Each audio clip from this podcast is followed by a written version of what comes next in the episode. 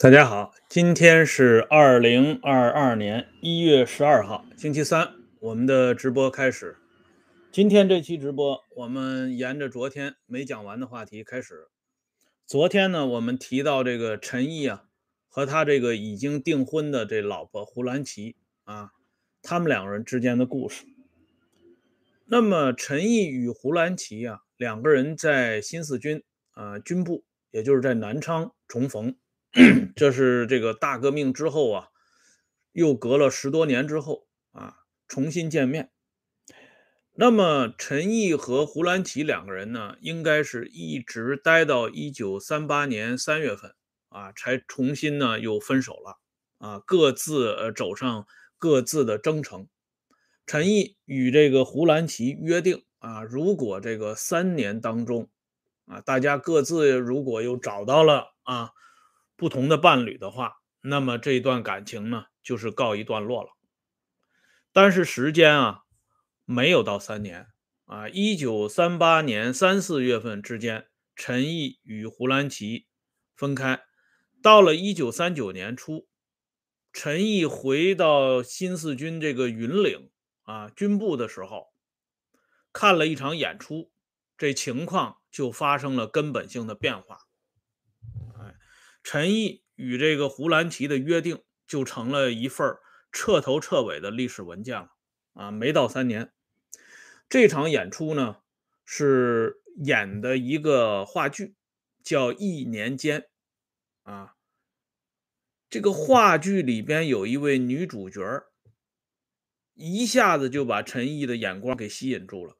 昨天我在讲这个胡兰奇到汉口。受到宋美龄中将的接见的时候，曾经说过一句话啊，就是说在汉口，胡兰奇遇到两个重要的人物啊，一个是宋美龄，再一个啊是从汉口走出去的陈毅后来的老婆张倩，张倩是生在汉口的，一九二二年出生。哎，只不过呢，在汉口的时候，胡兰奇不知道有这么一号人物，成为他日后的情敌啊。一九三九年，陈毅看的这场演出啊，话剧《一年间》的主角就是这位从汉口走出来的张倩。张倩当时啊，不到十六周岁啊，十五六岁的样子，非常年轻了，这就不用形容了。啊，而且张倩呢，她不是说的从小地方出来的，汉口啊，当时这个江城在中国的地位，那基本上就和这个北上广深今天的这个地位差不多，是中国当时五大城市之一啊，南京、广州、北平、天津，然后就是江城了，所以他的这个气质啊啊。他的整个的这个感觉，给陈毅那是一种焕然一新的这个劲儿。陈毅当时就有点按捺不住了，他马上就找到这个服务团的负责人朱克敬，这也是一位老革命啊。这陈毅就问这朱克敬，演这个一年间里边的这个大小姐的这个小姑娘叫什么名字？这朱克敬一听就明白了。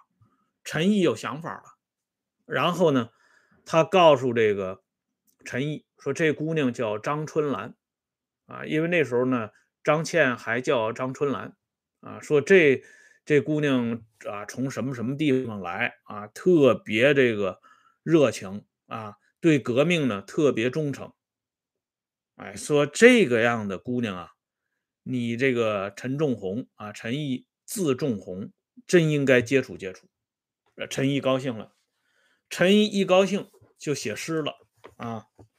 陈毅写首诗，这诗写的很缠绵啊，其中最后这两句啊，呃，特别有意思：“豪情念在今何在？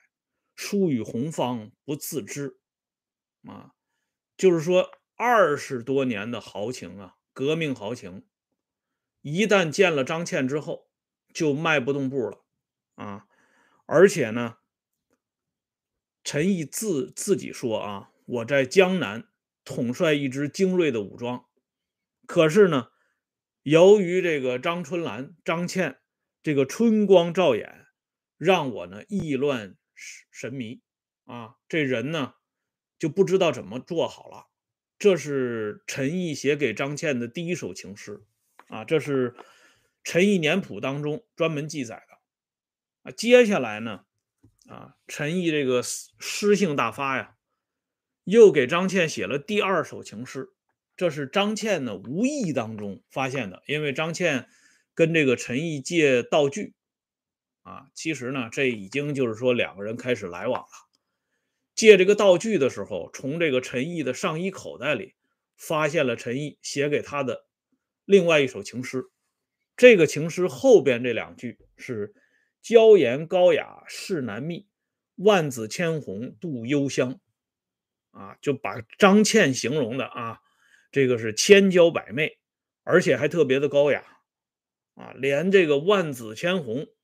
都要嫉妒张倩的容貌，也不知道这张倩到底长得有多好看。反正陈毅呢，是看到眼睛里拔不出来了。哎，这样的话呢，这朱克敬，这朱团长在这里边呢，就开始起关键性作用了。这朱克敬有个外号叫朱妈妈啊，就是专门给这个啊部队里这些高级干部、高级首长们保媒拉纤儿的。这个地位和形象啊，特别像咱们看过的一部电视连续剧啊，《亮剑》。《亮剑》里边有一段啊，大家记得吧？就是这个李云龙住进战地医院之后，那个战地医院里呢，有一位政治处的罗主任。这罗主任就是专门给首长们介绍对象的。哎，这朱克敬就类似于这样的人物，他在中间呢穿针引线，这陈毅就已经不能自拔了。最后到一九四零年，陈毅和张倩两个人终于结合到一起了。啊，结婚的时候呢，陈毅又是诗性大发，又给这个张倩写了一首诗啊：“烛影摇红喜可知，吹妆未负小乔诗。”啊，就是说把张倩呢，嗯，比喻成啊，这个三国时代。那两个著名的美人江南二乔啊，大家都知道啊，“铜雀春深锁二乔”。这杜牧有这首诗啊啊，这个大家从这里一看呢，就知道了啊。这陈毅和张倩两个人，在一九四零年一月份结婚了。这个时候的张倩呢，还不到十八周岁。张倩是一九二二年六月十一号出生的。哎，一九四零年一月份结婚的时候，十七岁半左右吧。哎，但是呢，两个人经组织的批准，这项英也知道啊。哎，两个人就结婚了。那胡兰奇不知道，这胡兰奇还是眼巴巴的等着陈毅呢。这胡兰奇对陈毅啊有多这个忠心？这里呢举两个例子。当时胡兰奇与陈毅在这个。屯溪啊，相遇的时候，那时候陈毅是非常困难啊，因为新四军嘛，他是改编自这个三年游击战争的这些散兵游勇们，他没什么钱，穷。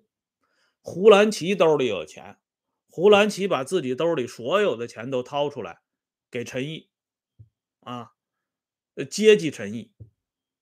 哎，这个这是一条，第二条。啊，因为这个陈毅已经给这个自己的爸爸妈妈在四川的爸爸妈妈写信了，说这胡兰奇就是您老啊，您二位老人家的新的儿媳妇，所以这个陈毅的父母呢就认同了这门亲事。后来啊，这个呃社会上就流传这个传闻，说这个陈毅啊战死了，啊。这陈毅的爸爸妈妈非常伤心啊，因为陈毅这个儿子呢，在他们心目当中分量非常重啊。从小的时候呢，陈毅的爸爸就特别喜欢陈毅，他给陈毅的兄弟们呢吃一个荷包蛋，但是给陈毅呢吃两个荷包蛋，就是特别喜欢这陈毅。所以一听到这儿子陈毅死了，这老两口啊痛不欲生。这时候呢，胡兰奇出面安慰两位老人家，说千万别悲伤啊。这个陈毅虽然已经走了，但是呢，我还会继续供养您二位老人，就像陈毅在世的时候一样。人家不是拿这个红口白牙这些空话填吧老人啊，人是有具体行动的。这胡兰奇呢，把自己身上的两万块大洋啊，交给陈毅的父母。还交给陈毅父母一个二三十亩地的农场，啊，这都是胡兰奇的这个私人财产，和胡兰奇掺了股份的，就是有胡兰奇股份的这产业，都给陈毅的父母了，供养陈毅的父母。陈毅的父母一看啊，有这些钱啊放在这儿，老两口呢就不哭了，就放心了。这胡兰奇对陈毅啊仁至义尽，就到这一步。可是呢，不到两个人约定的三年时间，哎，人陈毅呢就另外找了一个新主啊，跟这胡兰奇就说再见了，哎。那么接下来我们再看啊，这胡兰奇不光是对这陈毅忠心耿耿，对这革命也忠心耿耿啊。嗯，胡兰奇后来到了香港啊，见了李济深，李济深说呀。正好潘汉年有一个重要的任务，嗯，派你去上海完成，派你去华中完成，非常合适。为什么呢？当时这个解放军呢南下一个硬骨头要啃，这就是白崇禧啊，在华中的这些部队，这个新桂系呀，啊。跟咱们这党一直都是眉来眼去，暗送秋波。从这个抗日战争时期就是这样。可是呢，咱们这个党呢，对新桂系却是务必除之而后快，因为他知道这新贵系呢，算是国民党军队里少有的啊杂牌武装里的精锐，不把新贵系打掉，大军无法进入两广。啊，无法完成对这个华南地区的解放，所以嘴上对白崇禧这些人呢，啊，安慰了很多这个片汤的话，什么小诸葛呀，啊，将来想带兵啊，让你当国防部部长啊，给你二十万大军带啊，这些话从毛泽东嘴里说出来，就跟说啊，这个过年好一样，非常顺的，但是具体操作的时候。派胡兰奇到华中策反白崇禧手下的一员大将，叫张轸。这个张轸当时是河南省政府主席，手里握着十九兵团。这胡兰奇啊，这一生注定跟这个十九特别有缘分。抗日战争的时候在十九集团军，解放战争的时候策反十九兵团。这张枕是一个名人啊，哎，张枕字义三。哎，大家读过这个《滕王阁序》啊？这个一开篇，豫章故郡，洪都新府，星分翼轸，地接衡庐。哎，这个翼和枕是号称天上二十八星宿之一，所以张枕字翼三。张枕在抗日战争当中参加过台儿庄抗战，他的幺幺零师啊，官兵的胳膊上。都带一箍啊，上面呢就写了一个字“义”，啊，就是张枕的这个字号“羽翼”的“翼”，所以人家管幺幺零师叫“义字军”。他在这个台儿庄抗战当中，张轸率领他的这个师啊，全师官兵与这日本精锐师团板垣师团和矶谷师团奋战多日啊，拼大刀啊，那是非常玩命。所以当时全国上下对这个义字军印象非常深刻。由此啊，这白崇禧乃至新贵系非常看重张轸这支武装，把他当成啊这个除了第七军以外的嫡系来看。可是经过胡兰奇做工作，这张轸造反了，起义了，给这新贵系呀打了一记非常狠的窝心拳。哎，这守疆必守淮呀！这华中的这个战线一旦被突破，那南下解放大军那就是啊势如破竹了。哎，这白崇禧呢，就是一败涂地了。所以这胡兰奇呢，立了一桩奇功。可是立了一桩奇功之后的胡兰奇，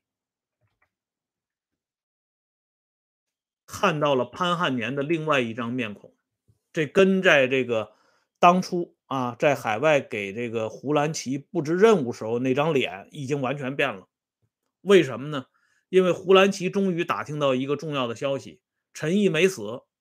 陈毅不仅没死，而且当了上海市的市长了。所以这个时候。胡兰奇啊，考虑到自己的这个生活上有困难啊，再加上他这个政治待遇上呢也不特别公平，哎，这胡兰奇就写了一封信给陈毅。这信呢，陈毅压根儿就没回，哎，结果把这潘汉年给招来了。这潘汉年非常严肃的找这胡兰奇谈话，啊，这脸就马上就变了，嗯。潘汉年一上来就问这胡兰奇说：“陈毅已经儿女成群，你还找他干什么？”这胡兰奇一听潘汉年这副嘴脸啊，一看这副嘴脸，他当时更生气啊。胡兰奇说：“我找陈毅又不是跟他啊再续前缘啊，又不是说想跟他结婚，我找陈毅是想请他帮忙。”你们不帮忙就说句话就完了，没有必要啊，急扯白脸的给我看这张这个脸啊，所以这胡兰奇特别生气啊。后来呢，胡兰奇还是有点不死心，给这个外交部呢又写了一封信，其实就是给这个陈毅又写一封信。陈毅那个时候已经到外交部当部长了，写信之后呢，这封信原封不动的给退回来了。而且信上呢，写了四个大字：“查无此人。”啊，这外交部部长，这居然这外交部的人都不认识啊！查无此人，这胡兰奇彻底死心了。人陈毅根本就不想搭理他了。为什么呢？道理太简单了。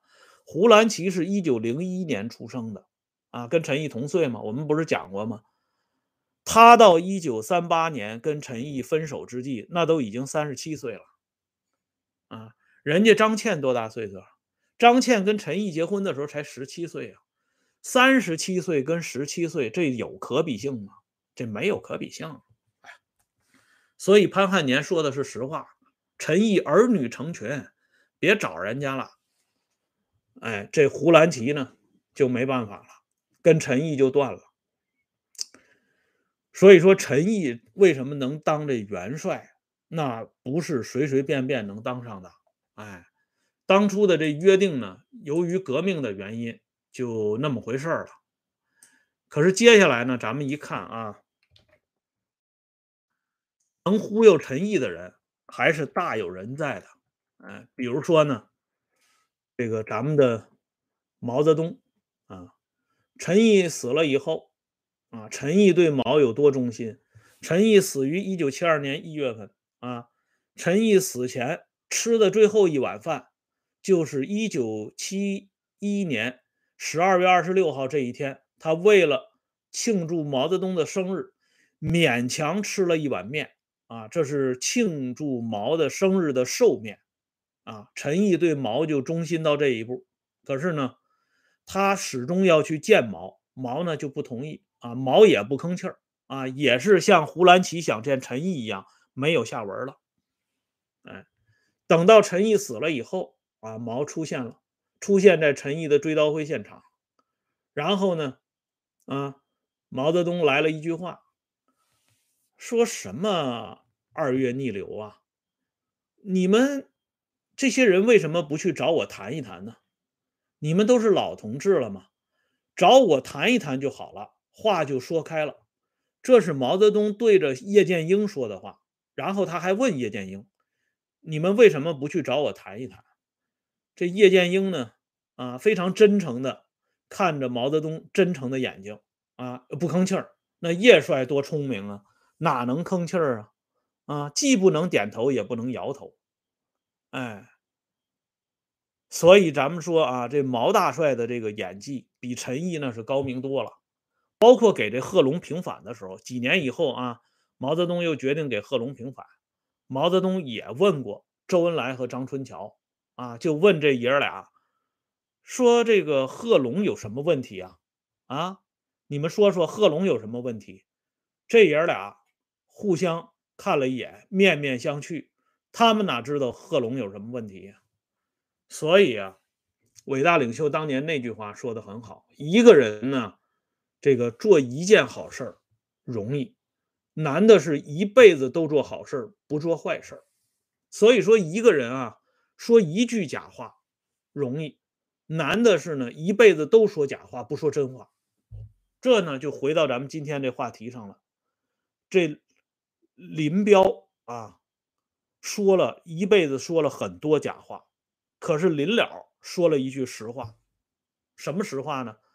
在第三次庐山会议上，林彪来一句实话：“林彪同志不宜担任国家副主席。”这确实是一句实话啊。一个呢是林彪不想这个瓜田李下的，哎，就是影响大局；再一个呢，林彪这个位置在担任国家副主席也确实不现实。就说这么一句实话，这人就没了啊！不仅他没了，全家人都没了。所以这个说实话的代价真的挺大的啊！一定要分这个时间、地点、场合。那么最后呢，剩这点时间，我给大家简单说一下这胡兰奇的命运。胡兰奇以及他策反的这个张轸啊，国民政府河南省主席张轸，这这对男女呢，到一九五七年双双被打成右派啊。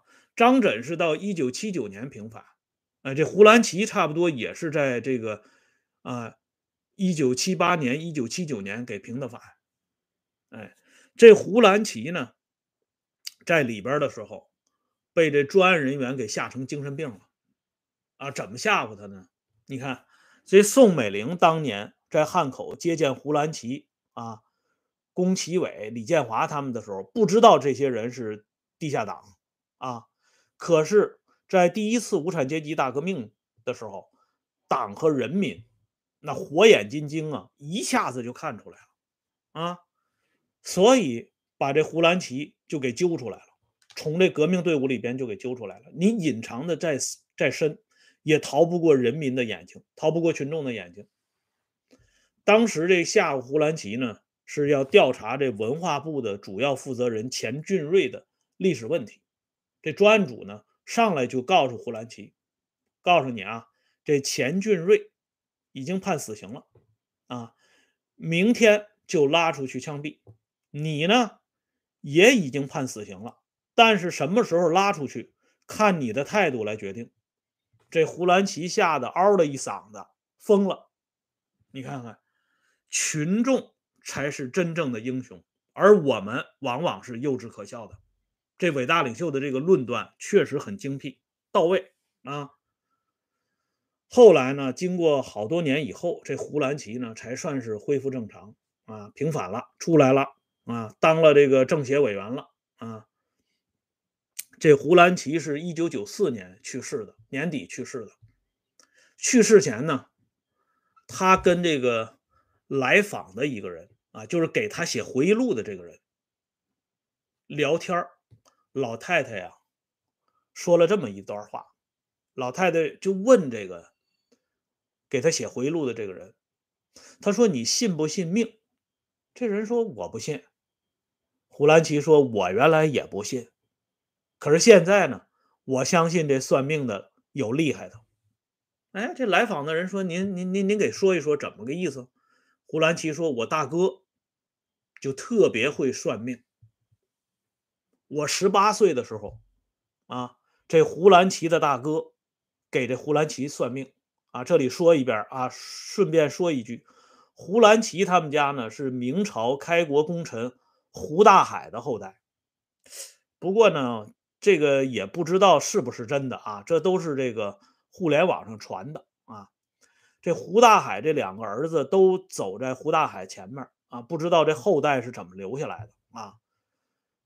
这胡大海的后代啊，这胡兰奇的哥哥就给胡兰奇算过命，说你这个人啊，五十七岁有一有一难啊，七十七岁呢还阳。能活到九十三岁，就说了这么一段话。当时胡兰奇认为他大哥这是胡说八道。你他十八岁，你怎么能知道他之后啊发生的这些事情呢？可是接下来啊，他大哥说的这些话都应验了。胡兰奇一九五七年被打成右派啊，约略差不多是五十七岁嘛，哎。七十七岁，一九七八年、一九七九年平反，七十七岁正好。胡兰奇说这话的时候啊，胡兰奇是一九九三年还活着的时候，他说现在他大哥说的只有一条没证实了，就说他活九十三岁。结果呢，说完话之后啊，一年左右的时间，一九九四年胡兰奇老太太去世了，正好九十三岁。就说胡兰奇他们这代人啊。这些革命女性啊，新女性当初为了争取民主、自由啊，革命啊，走上政治舞台，走上人生大舞台，演来演去，最后才知道什么都是假的，只有算命才是真的啊。好了，关于这个陈毅的这个老婆呢，胡兰奇的事情呢，就说到这里啊。那么。在这个系列啊小系列的结尾处，我再顺便把一个小坑给大家填上，就是这二虎守长安，到这里呢就结束了。顺便呢跟大家说一下，当初二虎守长安的这四位角色，哎，一个是这个杨虎城，一个是李云龙、李虎臣，还有魏定一，还有田玉杰，这四个人的结局。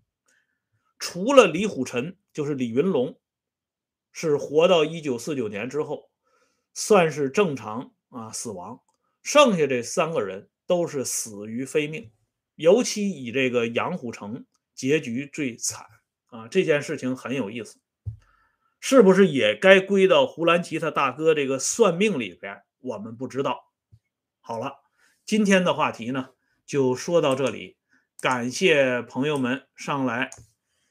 点赞、收看和收听，欢迎加入温相会员频道啊！经常有更新，明天就更新一期最新的啊！再见。